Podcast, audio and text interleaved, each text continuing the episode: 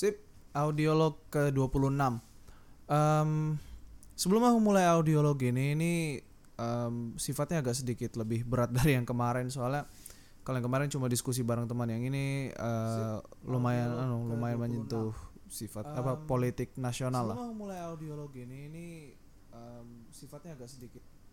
Soalnya gini, um, beberapa minggu lalu kita apa kita mendapatkan kabar dari surat-surat kabar kalau aku dari teman-temanku dan BEM aku jarang baca surat kabar bahwa uh, ada beberapa peraturan perundangan yang dirancang oleh negara terkait tentang perihal KPK dan KUHP juga tentang pemindahan ibu kota. Tapi untuk yang apa untuk episode ini lebih fokus ke yang KUHP karena uh, ini banyak sekali UU yang apa yang gue bilang kocak. Aku berusaha kayak aku berusaha apa yang berusaha kayak ngasih komentar yang benar-benar komentar yang produktif lah. Uh, walaupun aku agak nggak tahan untuk untuk apa bikin guyon soal ini.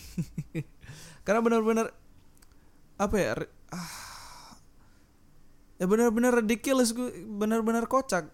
Oke. Okay. tapi sebelum itu aku mau ngasih standpointku. Aku beberapa episode sebelumnya sempat bilang kayak aku sendiri nggak begitu suka dengan demonstrasi sebenarnya. Kayak aksi-aksi ke jalan aku nggak begitu suka. Kayak aku nggak begitu percaya soal itu. Karena biasanya ada kecenderungan untuk berakhir uh, apa berakhir apa sih sebutannya itu uh, ricuh kacau. Pokoknya malah berakhir jadi kayak apa jadi kayak cuma anarki di jalan. Tetapi untuk yang ini ah sebelum sampai situ juga um, juga aku juga punya sudut pandang kayak aku sebenarnya nggak begitu eh, aku nggak begitu bermasalah dengan apa dengan kebijakan-kebijakan yang keluar dikeluarkan oleh negara kecuali kalau mereka mulai anu mulai kasarnya try to fuck me over. nah, oleh karena itu untuk untuk yang ini aku ngebantu teman-temanku yang benar-benar aksi mempromosikan lah lewat lewat apa lewat internet kayak semoga aksinya mereka itu benar-benar berguna. Karena ini dari dari semua aksi-aksi mahasiswa yang pernah ada di yang pernah direkam sama media-media lainnya ini doang yang ini doang yang kalau gue bilang benar-benar ada hasilnya. Nanti aku jelaskan kenapa. Nah untuk sekarang aku pengen ngebahas dulu ke undang-undang yang bermasalah ini. Jadi uh, di RUU KUHP beberapa hal ada yang ada yang apa ya uh, sifatnya pengaturan ini kurang ajar lah aku bilang. Kayak mereka um, apa sih secara enggak secara kasar ya U KUHP-nya di diatur kayak pengen men, kayak pengen bermain sebagai bukan dewa lebih bermain sebagai ketua RT atau orang tua lah kasarnya kayak gitulah kayak undang-undangnya itu sebenarnya memang nggak perlu ada. Karena itu uh, karena rata-rata yang diatur kan bisa diatur dengan anu, dengan komunikasi wa antar warga aja. Udah cukup kayak gitu. Nggak usah pakai KUHP pula. Eh kita lihat. Ini aku buka-buka lewat Tribun News ya. Tunggu bentar. Nih diutarakan bahwa beberapa pasal-pasal yang bermasalah sebagai berikut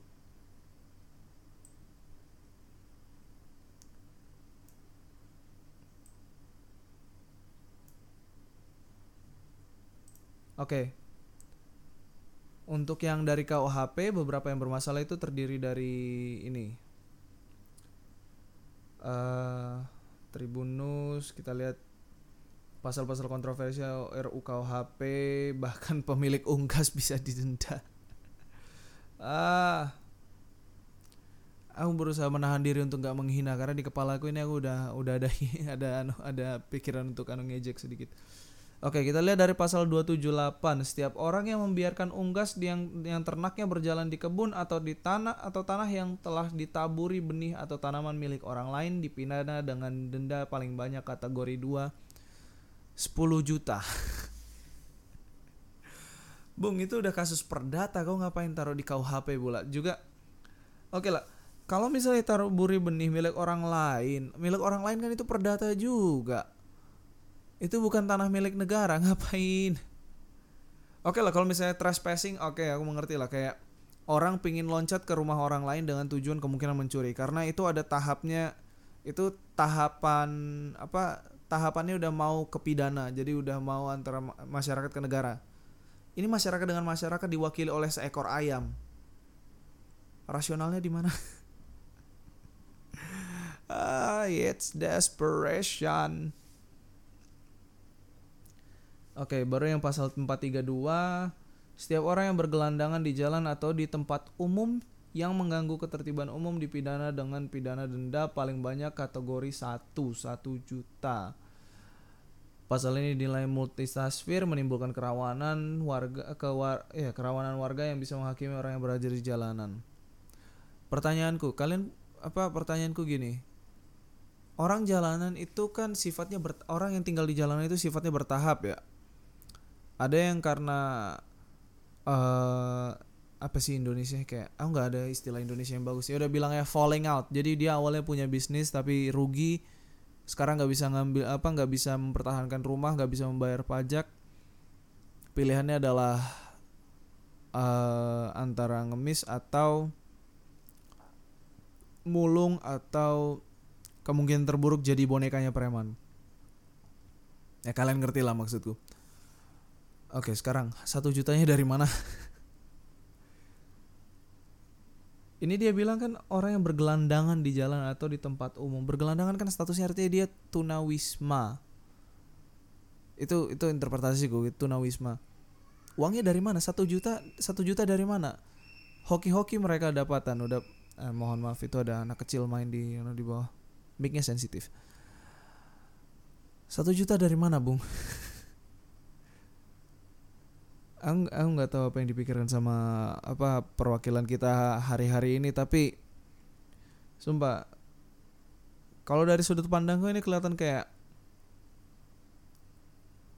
ya seperti yang bilang tadi desperation putus asa. Ya kalian interpretasikan lah putus asa maksudnya apa. Ini ini antara nggak dipikirkan matang-matang atau gimana gitu. Karena gelandangan lihat gelandangan bayar gelandangan bayar 15 ribu untuk nasi goreng aja belum tentu loh.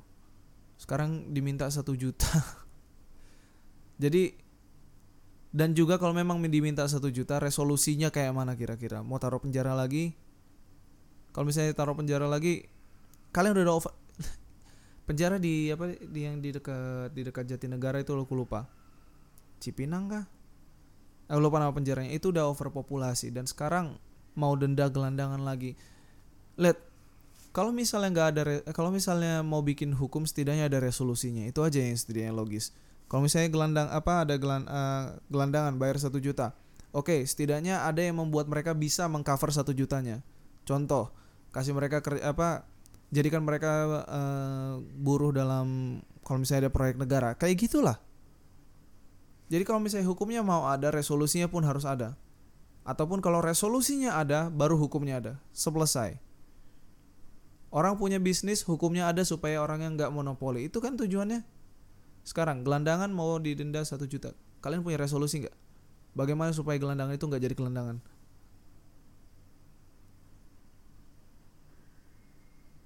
Nah pun kalau misalnya nyari di internet kayaknya nggak ada. ah ya namanya juga eh, mohon maaf aku ada pandangan yang sedikit pesimis jadi ya realistis tapi cenderung pesimis ya. Oke, itu yang pasal 432. Pasal 417 ayat 1. Setiap orang yang melakukan persetubuhan dengan orang yang bukan suami atau istrinya dipidana karena persinahan dengan pidana penjara paling lama satu tahun atau denda kategori 2. ah, aku cuma bisa ngebayang untuk yang ini balik lagi seputus asa apa kau uh, ini kalau untuk masalah putus asa itu ada hubungannya dengan denda. Tapi untuk yang ini tentang masalah perzinahan bla bla bla. Uh, mau bilang gini, KUHP itu bukan buku suci. KUHP adalah buku hukum. Ya memang dia punya kuasa untuk kehidupan masyarakat, tapi bukan bukan apa bukan untuk berkuasa atas masyarakat kayak gitulah lihat Alkitab Al-Qur'an itu yang berkuasa atas masyarakat. Mereka membeli memberikan apa? Bukunya itu memberikan lara, uh, memberikan um, kebijakan antara yang baik dan buruk seperti itu. Aku nggak tahu konten Al-Quran, aku cuma tahunya konten Alkitab. Untuk Alkitab, iya ada jangan berzina. Um, dari hukum 10 hukum Taurat. Nah, tapi ada juga um, apa namanya itu kayak ada juga kita dikasih istilahnya buah-buah roh apa yang harus dilakukan. Udah kayak gitu. Jadi ada kebijakan ada ada kebijakan dan ada ke apa istilahnya? Keburukan lah. Enggak ah, mau uh, kayak gitu. Ada kebijakan ada keburukan. Kita udah dikasih tunjuk dua-duanya. Yang ini udah keterlaluan. Karena ini hukum tahapnya. Ini bukan ngatur ini mengatur ketertiban hidup masyarakat. Ketertiban artinya kayak lingkungannya aja yang diatur. Jadi komponen-komponen lingkungannya diatur. Bukan ke personal masyarakat bukan ke batinnya masyarakat. Itu kejauhan sudah. Dan juga biasanya tanggung jawab untuk masalah tentang perzinahan itu harusnya jatuhnya ke orang tua. Jadi kayak apa istilahnya? Be a parent apa tuntutannya harusnya uh, eh, tuntutan ini nggak perlu ditulis ini setidaknya minimal ini kurikulum untuk pendidikan dari orang tua lah. Walaupun itu kurikulum yang tidak ter, tertulis tapi tentang persinahan ini orang tua yang anu yang harusnya bertanggung jawab bukan negara. Itu untuk masalah tentang tanggung jawab orang tua itu nanti aku bahas di episode lain. Um, untuk yang ini ini ini kejauhan. Juga kalau misalnya kalian kalau misalnya mau dibayangin ya kira-kira gimana masalah penyidikannya nanti? Ada yang bisa bayangin penyidikannya kayak mana? Terutama kalau misalnya persetubuhan orang bukan suami atau istrinya. Oke okay lah kalau pacaran mungkin kalian bisa tinggal tanya ada surat nikah tinggal bareng. Ya oke okay lah. Tapi kalau misalnya kasus yang kedua yang uh, uh, ini agak sensitif tapi kalau misalnya kasus kedua yang tipenya kayak dilakukan oleh um, apa sih sebutannya itu uh, ah nggak ada bahasa lain yang bagus broken home lah kalau misalnya yang kalau misalnya broken home kalian mau ngeceknya gimana? Kalian mau ngintip ke jendela apartemennya gitu? ada yang bisa bayangin, ada yang bisa menjelaskan aku cara penyidikan perihal ini kayak mana?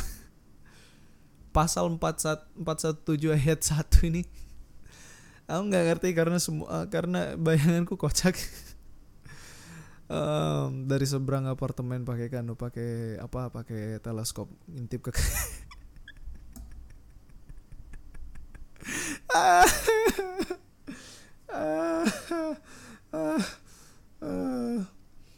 Oke. Oke. Oke, gue lewatin. Kalian kalian bayangin sendiri dan kalian tahulah aku ketawa karena seabsurd itu. Ini kalau misalnya kalian benar-benar breakdown pasal 417 ayat 1 ini. Dari ujung penyelidikan, penyidikan dan seterusnya ke bawah kalian bakal kebingungan kayak mana cara prosesnya. Sumpah karena nggak ada cara proses yang lebih eh nggak ada cara proses yang benar untuk ini. Jadi kalau untuk masalah kayak gini ini udah ini masalah privat oke? Okay? untuk dari kalau misalnya dari ranah anak-anak itu tanggung jawab orang tua. Terima nggak terima? Lihat pemerintahan tugasnya adalah untuk mengatur ketertiban bukan mengatur dalam apa rumah tangga orang. Udah kayak gitu. Kalian cukup apa mereka cukup duduk di kursinya perhatikan apa yang error apa perhatikan wah, pemerintahan bergantung sama statistik ya udah kayaknya. Semoga bergantung sama statistik semoga. Uh, aku soalnya nggak begitu tahu bagaimana DPR bekerja. Aku cuma tahu apa yang diajarin buku PKN oke? Okay? di buku PKN kayak apa yang ku tahu dari buku PKN PDPR menyusun rancangan ketuanya menandatangani baru disetujui presiden atau enggak dan presiden bisa bikin rancangan direview oleh pihak DPR habis itu disetujui berdua atau enggak. Pokoknya akhirannya tetap disetujui berdua atau tidak. Dan pasal 19 ayat 1 um, eh ralat pasal 4 19 ayat 1 setiap orang yang melakukan hidup bersama sebagai suami istri di luar perkawinan dipidana dengan pidana penjara paling lama 6 bulan atau pidana denda paling banyak kategori 2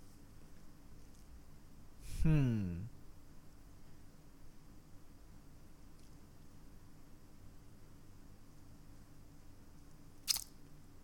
Sumpah aku bingung ini maunya gimana ya.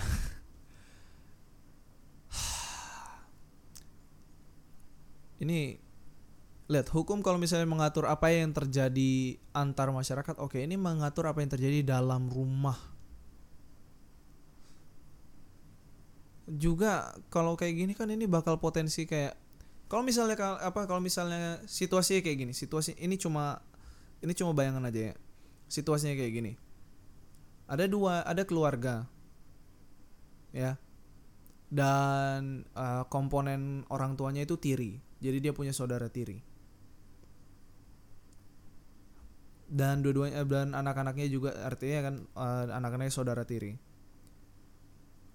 kalau misalnya dilakukan penyidikan bla bla bla kayak gitu re, uh, hasil akhirnya gimana nanti mereka kalau misalnya apa Aku sendiri saking absurdnya pasal ini aku sendiri nggak ngerti cara ngejelasinnya coba. Lihat aku bakal balik lagi ke komentarku. Pemerintah atur aja koneksi antar masyarakat di eh, kalau misalnya udah di lapangan, tapi kalau dalam rumah itu udah tanggung jawab mana, tanggung jawab dalam rumah. Oke, sampai ada laporan dari dalam rumahnya. Itu aja. Sesimpel itu sudah. Sampai ada laporan dari dalam rumah. Udah. Atau sampai ada Eh ya, cukup sampai anu sampai ada laporan dalam rumah.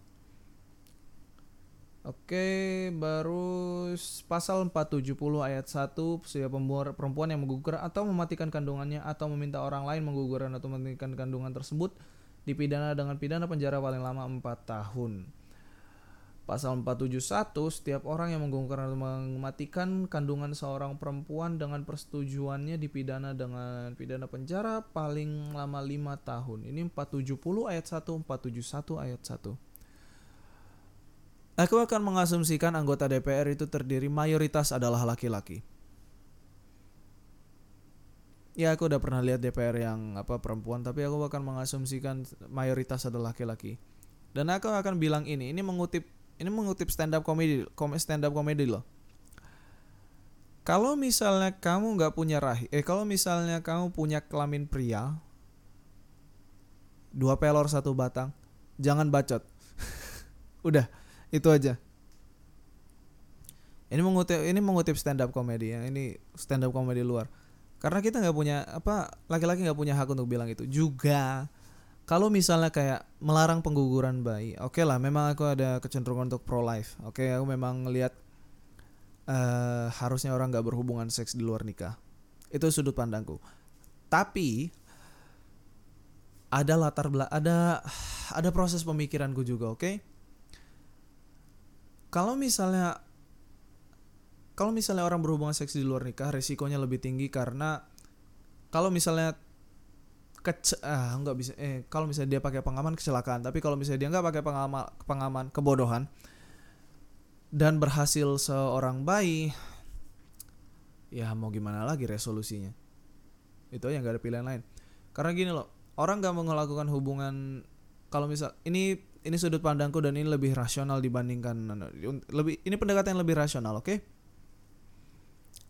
orang berhubungan uh, berhubungan intim di luar nikah memiliki risiko keuangan yang lebih tinggi. Aku nggak bohong, lebih tinggi risiko keuangan ini karena kayak gini. Pertama, kalau misalnya kejadiannya masih di masa kuliah atau masa SMA, kemungkinan dapat kerjanya rendah, um, dan kemungkinan untuk menjamin bayinya tetap hidup sangat rendah karena ayolah kemungkinan kerja rendah, pendapatan artinya lebih kecil dan mempertahankan rumah bakal sulit juga ditambah lagi mempertahankan uh, pasangannya untuk tetap hidup pun bakal lebih sulit karena moneternya susah. Tambah lagi ada seorang bayi. Jadi ya itu resolusinya adalah jangan lakukan sebelum nikah. Tapi kalau misalnya yang gagal diedukasikan seperti yang gue bilang kan tanggung jawabnya untuk masalah kayak gitu edukasi dari orang tua bukan dari pemerintah oke okay? kalau misalnya itu terjadi kalau misalnya terjadi sekali lagi kulangi kalau pakai pengaman kecelakaan kalau tanpa pengaman kebodohan ini opsi terakhir mau gimana lagi look resikonya adalah resiko rasionalnya adalah uh, bayinya apa semoga bayinya belum jadi duluan waktu apa bayinya belum jadi duluan sebelum apa pas mau apa aborsi ya. Resikonya adalah kalau misalnya nggak um, apa sih sebutannya? Kalau misalnya bayinya nu bayi apa ba, uh, pembuahannya terjadi ya. Kalau misalnya pembuahannya terjadi dan mereka sama sekali nggak punya anu nggak punya jaminan finansial nggak punya jaminan keamanan benar-benar keamanan apa keamanan uh, ya keamanan fisik lah keamanan spiritual semacam itu ya pilihannya cuma ini. Pilihannya cuma aborsi jadi itu sudah jadi haknya terutama kalau dan terutama kalau misalnya nih dan terutama karena yang punya rahim perempuan jadi apa hak kita? Beneran. Dari sisi laki-laki kalau misalnya laki-laki nggak pakai pengaman dia yang gak, apa nggak pakai pengaman atau kecelakaan dia yang salah. Tapi yang punya rahim tetap perempuan yang bakal nanggung 9 bulan juga perempuan bukan laki-lakinya. Jadi diam oke? Okay? jangan kalian paham lah kemasuk itu ini udah ini udah kejauhan oke? Yang punya rahim perempuan yang tanggung jawab perempuan apa yang menanggung bebannya perempuan yang bakal yang punya resiko hidup mati juga yang perempuan. Jadi kalau misalnya balik lagi ke asumsiku kalau misalnya DPR asumsiku mayoritas laki-laki ngatur tentang ini kalian gak ada hak untuk ngomong ini. Kalian belum pernah resi apa enggak kalian belum aku dan kalian belum pernah ngalamin 9 bulan apa keberatan mengandung dan mengalami resiko apa resiko hidup mati cuma untuk ngeluarin satu kehidupan baru ya kan? Logis gak sih?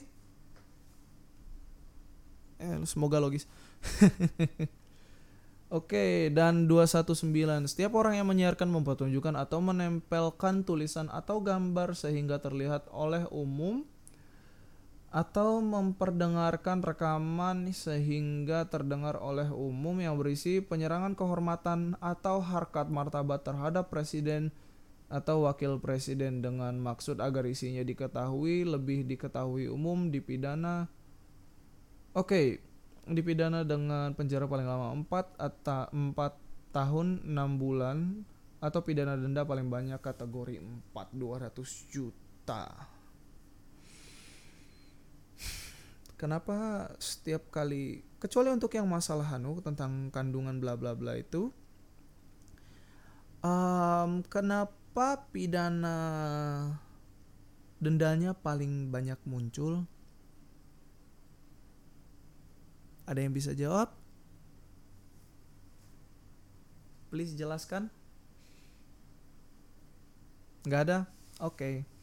Okay. ah.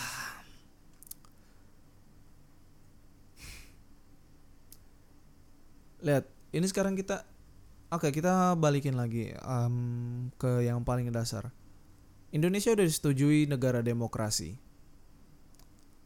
65 sampai 98 gak dianggap demokrasi itu buatan. Itu kita udah hampir mirip kayak Korea Utara. Uh, apa uh, Republik Absolut sebutannya. Ya semacam itu. Um, tadi aku mau bilang apa? Oh ya kita udah setuju dengan demokrasi baru ditambah lagi dengan munculnya teknologi ini aku bisa live stream di sini sekarang kan. Um, ya jangan anggap kalian gak bisa dikritik. Lihat dalam konteks ini kalau dalam konteks ini semua orang itu perlu diskusi. Semua orang harus punya ruang untuk error supaya bisa ada yang di, biar ada sesuatu yang diperbaiki gitu loh. Kayak gini anggap uh, anggap uh, negara anggap negara demokrasi itu sebuah mobil yang sedang rusak. Kalian nanti paham analoginya kayak mana.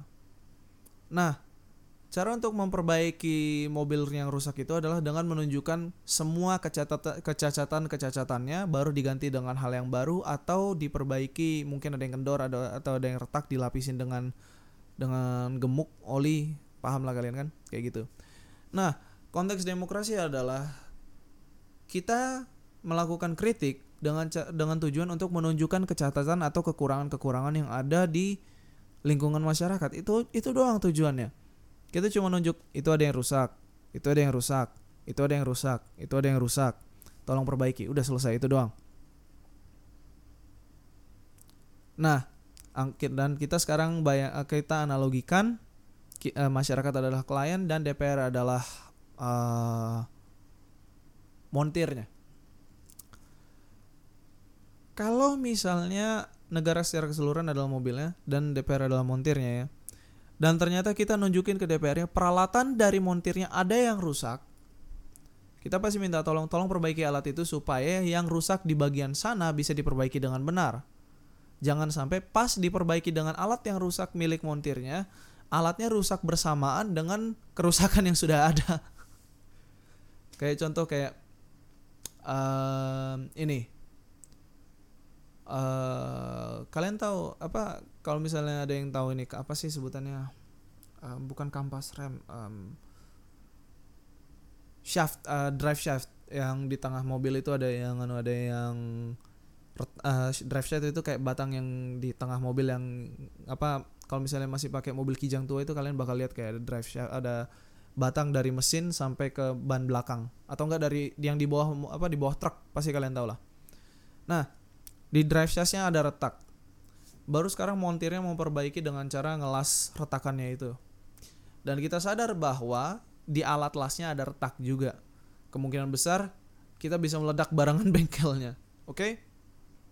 Sekarang bayangkan itu dalam konteks negara. Ada kerusakan tapi alat alat negaranya rusaknya kayak uh, alat rusak alat negaranya sama-sama rusak, baru nggak ada yang nunjukin ada yang rusak. Kita meledak barengan alat-alat negaranya. nah, kayak gitu.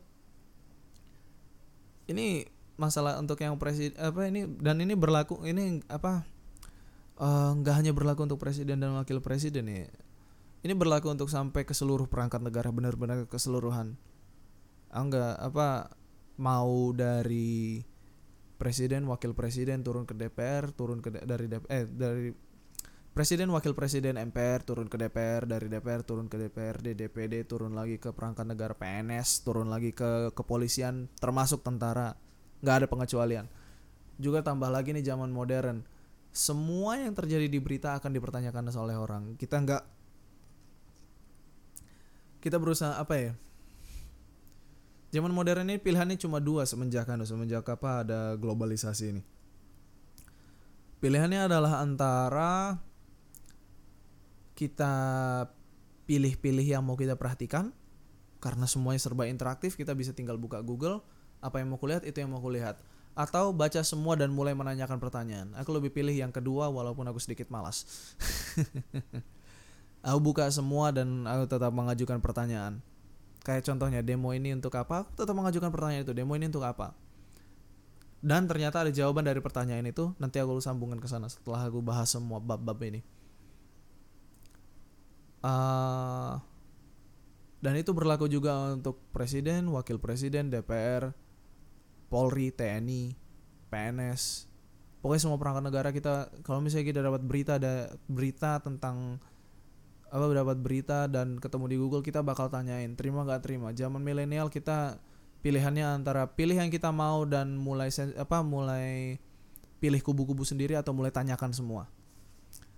Dan aku sarankan semua untuk menjadi masyarakat skeptis. Jadi mulai tanyakan semua. Kalau misalnya itu menguntung apa kalau misalnya istilahnya apa ya?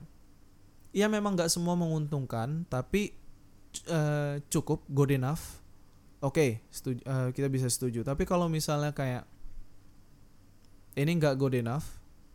Good enough itu maksudnya kayak tidak semua kubu bahagia tapi setidaknya mencukupi lah. Kayak gitu. Kalau misalnya tidak menemui menemui status itu itu mulai dipertanyakan. Aku mulai mempertanyakan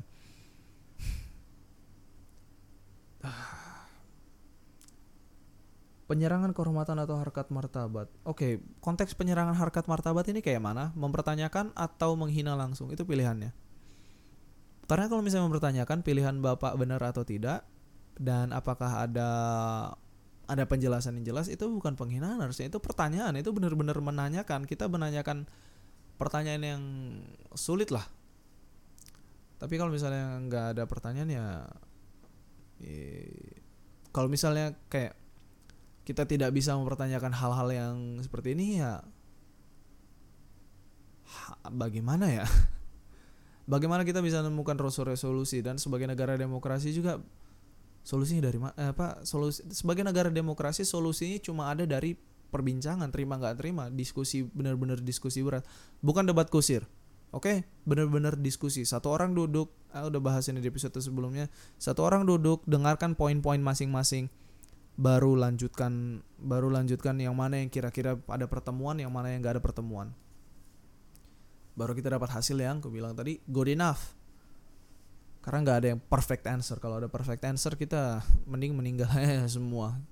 Surga itu perfect answer Oke, 241 setiap orang yang menyiarkan, mempertunjukkan atau menempelkan tulisan atau gambar sehingga terlihat oleh umum, memperdengarkan rekaman sehingga terdengar oleh umum atau menyebarluaskan dengan sarana teknologi informasi yang sedang kulakukan sekarang berisi penghinaan terhadap pemerintah yang sah dengan maksud agar isi penghinaan diketahui umum uh, Oke, berakhir terjadi keonaran atau kerusuhan dalam masyarakat pidana dengan pidana penjara paling lama 4 tahun atau pidana denda paling banyak 500 juta.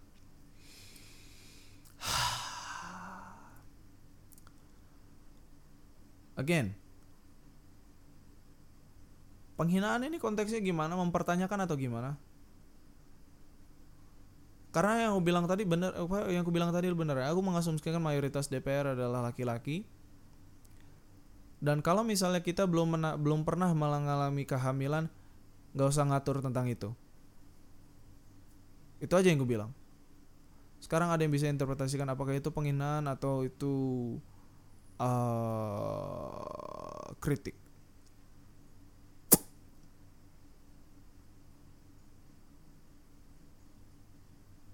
Karena lihat garis antara kritik penghinaan itu sangat tipis dan tambah lagi komedik sarkas uh, apa sarkasme komedik itu juga garisnya tipis. Karena jadi sekarang ini maksudnya konteks penghinaan gimana? Aku bilang bilang apa uh, pemerintah adalah pip kayak gitu kah itu baru penghinaan? Atau uh, kalau pernyataanku tadi tentang kalau misalnya belum belum pernah mengalami kehamilan, mending gak usah diatur tentang aborsi.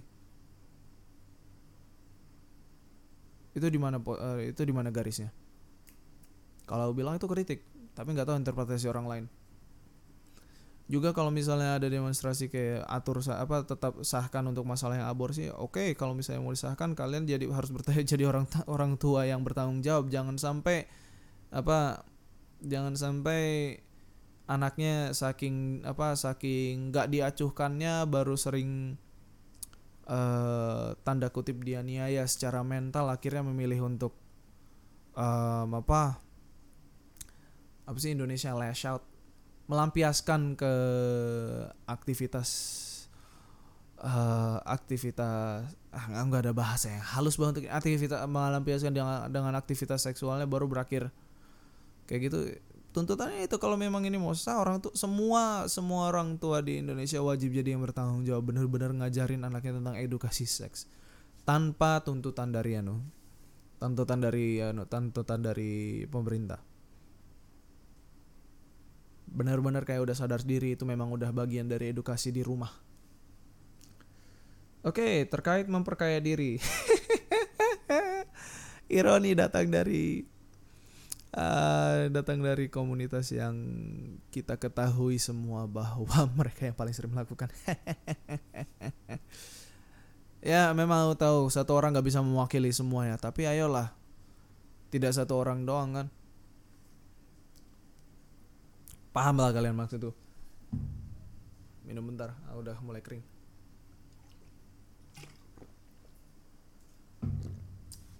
Ah R RKUHP pasal 604 setiap orang yang secara melawan hukum melakukan pembuatan memperkaya diri sendiri atau orang lain atau suatu korporasi yang merugikan keuangan negara atau perekonomian negara dipidana dengan pidana penjara seumur hidup atau pidana penjara paling lambat paling singkat 2 tahun dan paling lama 20 um, Kalau ini sah harusnya Unilever kena.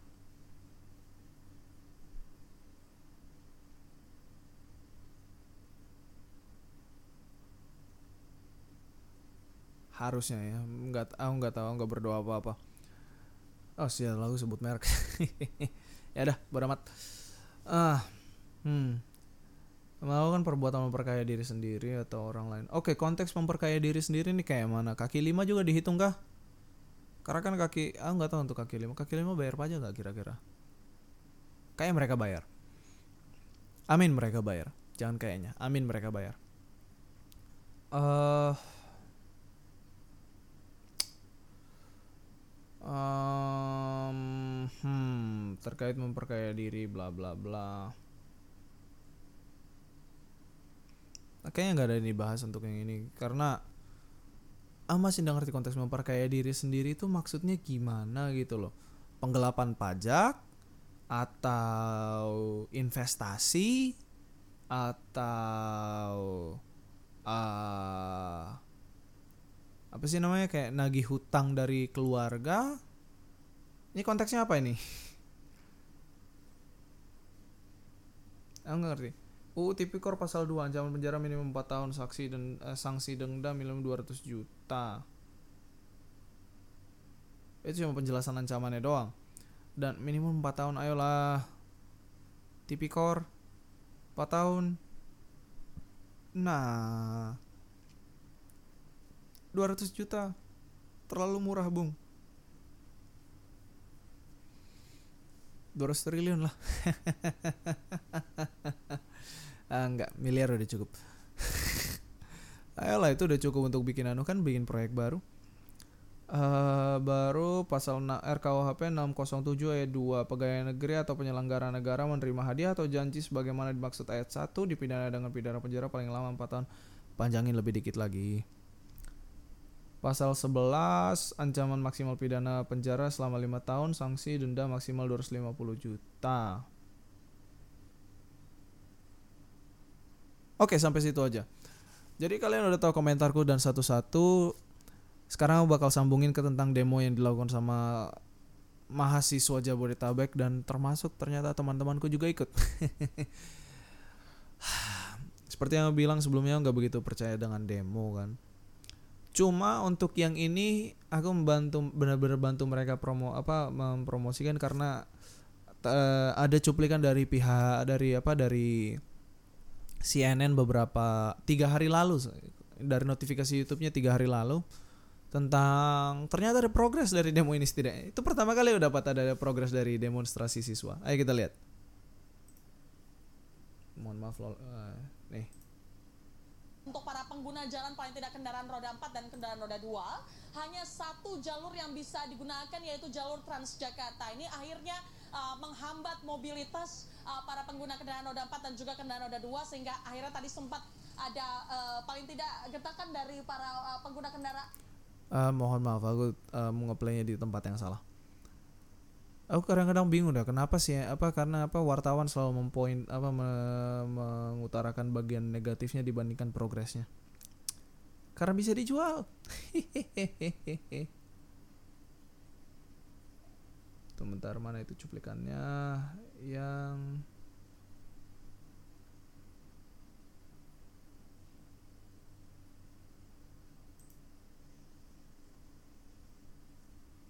yang tadinya masih melakukan audiensi keluar dari uh, gedung oh. DPR yang sampai saat ini uh, masih berada di dalam. Kami mendapatkan informasi dari rekan kami yang berjaga di dalam ada Nur Aspasia di dalam mengatakan bahwa sebenarnya audiensi uh, sudah kunjung selesai begitu um, intinya tuntutan dari mereka tentunya adalah agar uh, mahasiswa atau sebagai perlambang dari uh, yang memfasilitasi rakyat begitu untuk um, melancarkan aspirasinya mengatakan paling tidak mereka ingin dilibatkan dalam pembentukan uh, RKUHP ataupun rancangan-rancangan undang-undang lain ataupun revisi undang-undang lainnya.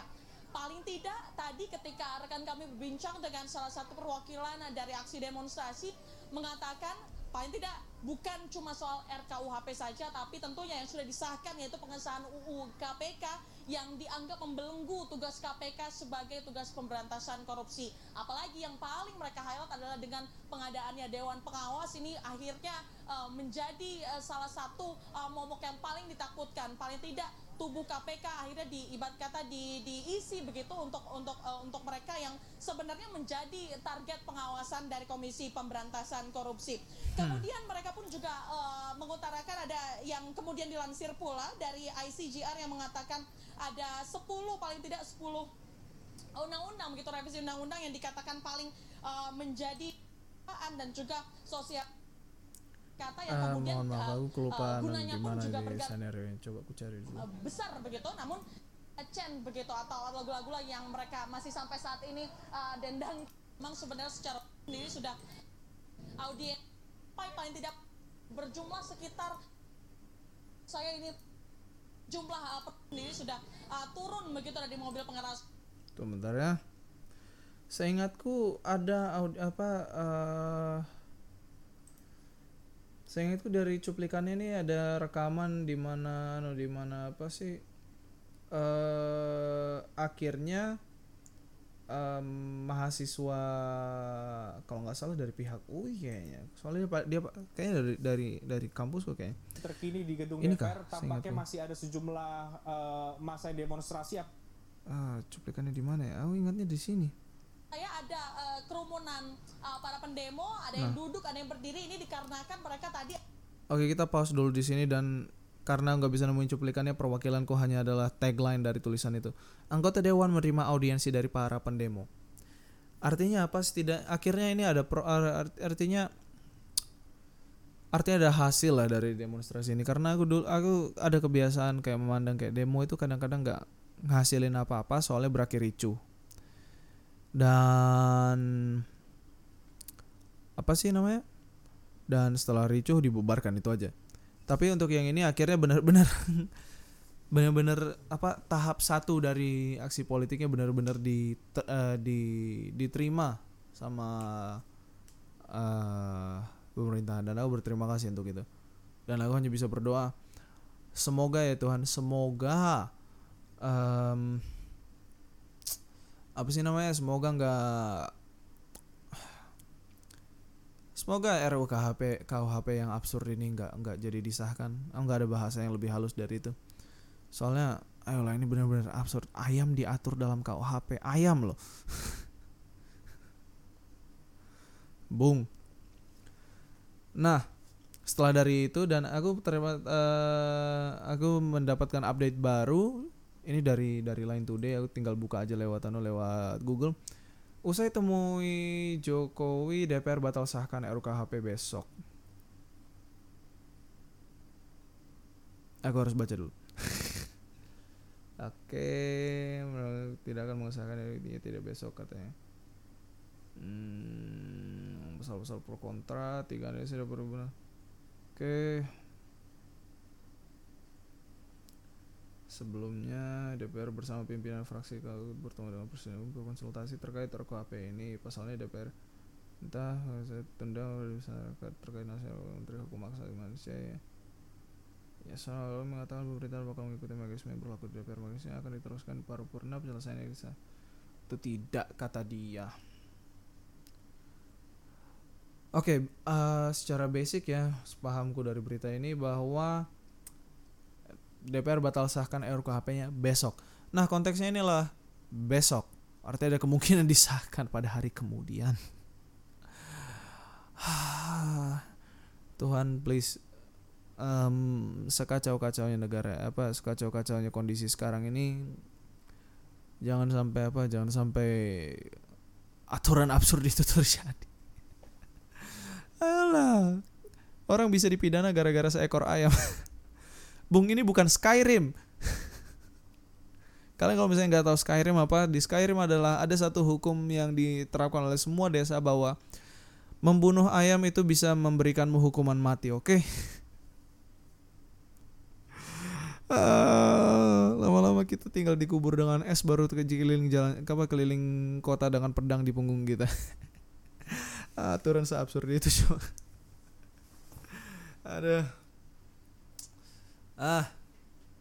Nah, bicara soal demo itu dan aku akhirnya apa eh, karena aku nggak ikut turun ke jalan karena pertama karena budgetku Pertama karena budget, kedua karena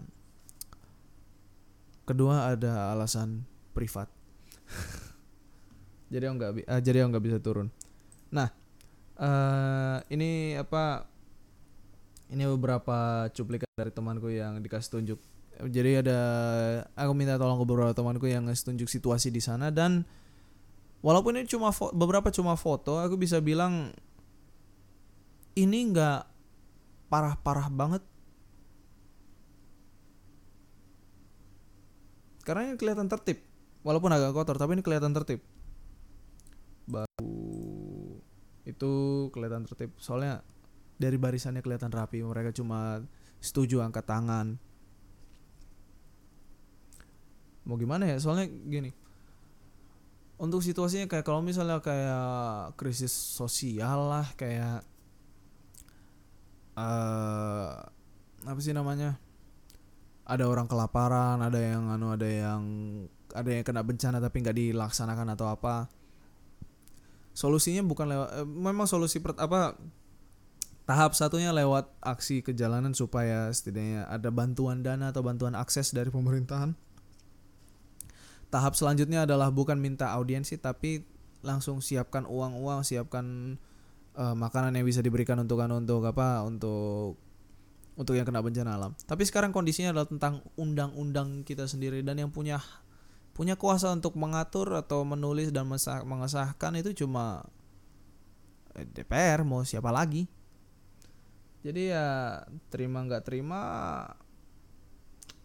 ah cuma mereka cuma terima nggak terima kita harus lewat jalur ini. Jalur demonstrasi. Tambah lagi harus anu tambah lagi harus apa sih? Eh bisa mendapatkan audiensi itu. Audiensi setidaknya jadi ada bener-bener opini. Walaupun cuma beberapa apa salah satu kubu dari apa dari masyarakat yaitu mahasiswa tapi setidaknya ada opini lah. Kayak gitu. Itu baru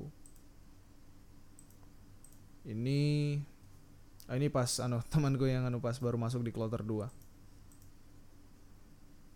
sama juga di apa di apa masih siang. Ini pas kloter du kayak ini kayak plus ini pas kloter 2 udah mau mulai dan akhirnya oh maaf. Ini kloter 2 udah mau mulai dan itu untuk aksi hari ini. Dan aku tiba-tiba apa dan tiba-tiba temanku apa setelah aku dapat foto-foto ini dari teman-temanku ya dan beberapa cuplikan video dari apa dari dia grup angkatanku tiba-tiba memunculkan info bahwa ada beberapa surat yang udah diselenggarakan oleh pertama dari dekan dekan UI dekan UI apa dekan paling besarnya UI dan ada juga yang diluncurkan sam eh, dan dari pihak BEM surat yang pertama dari dekan UI adalah tentang berikut bahwa eh, aku rangkum aja bahwa hati apa dipahami bahwa mahasiswa pada turun ke jalanan untuk aksi tentang RKUHP ini karena se- alasan-alasan yang lebih logis daripada yang kuutarakan tadi. Eh, dan mereka berharap supaya jangan sampai ketika aksi ada yang provokasi, eh jangan sampai jatuh ke dalam provokasi ya, no, provokasi orang. Nah, sebelum aku lanjutkan ke surat yang kedua, aku dapat tiba-tiba dapat kabar dari temanku di apa di grup angkatan bahwa provokatornya udah muncul. kau bagi eh, kau tahu bagaimana itu apa ah nggak ada istilahnya seberapa panjang umurnya itu. Dibilang hati-hati soal provokator dan provokator yang muncul. Aku nggak bakal aku nggak bakal mengasumsikan apa-apa untuk ini. Em, dan kejadiannya adalah provokator yang muncul ini ngebocorin 50 motor orang. Jadi motor-motor mahasiswa 50 orang dibocorin kayak apa bannya kayak seperti itu. Aku nggak tahu tujuannya untuk apa dan aku nggak tahu harapan mereka resolu apa eh, kejadian untuk apa. Eh, aku cuma bisa berdoa kayak jangan give in. Oke lah kalian bakal rugi apa jangan apa kalian bakal rugi secara moneter ya aku paham. Tapi jangan lihat risikonya adalah Kalau ini berakhir ricuh, UU-nya terjadi dan kalian bakal lebih rugi lagi, oke? Sabar aja. Ya memang nggak turun ke lapangan tapi ini upaya kok oke dari podcast ini bisa bantu siarkan untuk kalian. Lanjut. Nah, oleh karena itu akhirnya akan diteruskan besok dan berharap kayak ini anu biar apa biar um, apa sih namanya biar dijamin kayak RO, ka- apa kita punya jaminan kayak nggak ada anu nggak ada apa sih namanya apa sih jelasin ya kayak kita pengen menjamin kayak aksi kita itu nggak sia-sia. Jadi jadi tiba-tiba aku dapat kabar juga dari BEM apa bahwa BEM UI meluncurkan surat bahwa um, untuk hari besok semua kelas ditiadakan untuk aksi. Ini dari BEM UI ini masih permohonan kayaknya. Masih apa yang terhormat salam sejahtera semoga uh, diberikan kemudahan uh, mengingat pentingnya hal tersebut memohon kepada ya. Ini surat permohonan untuk meniadakan kelas besok supaya kita apa semua mahasiswa benar-benar seluruh U, mahasiswa UI uh, bisa turun ke lapangan untuk hmm, apa sih namanya uh,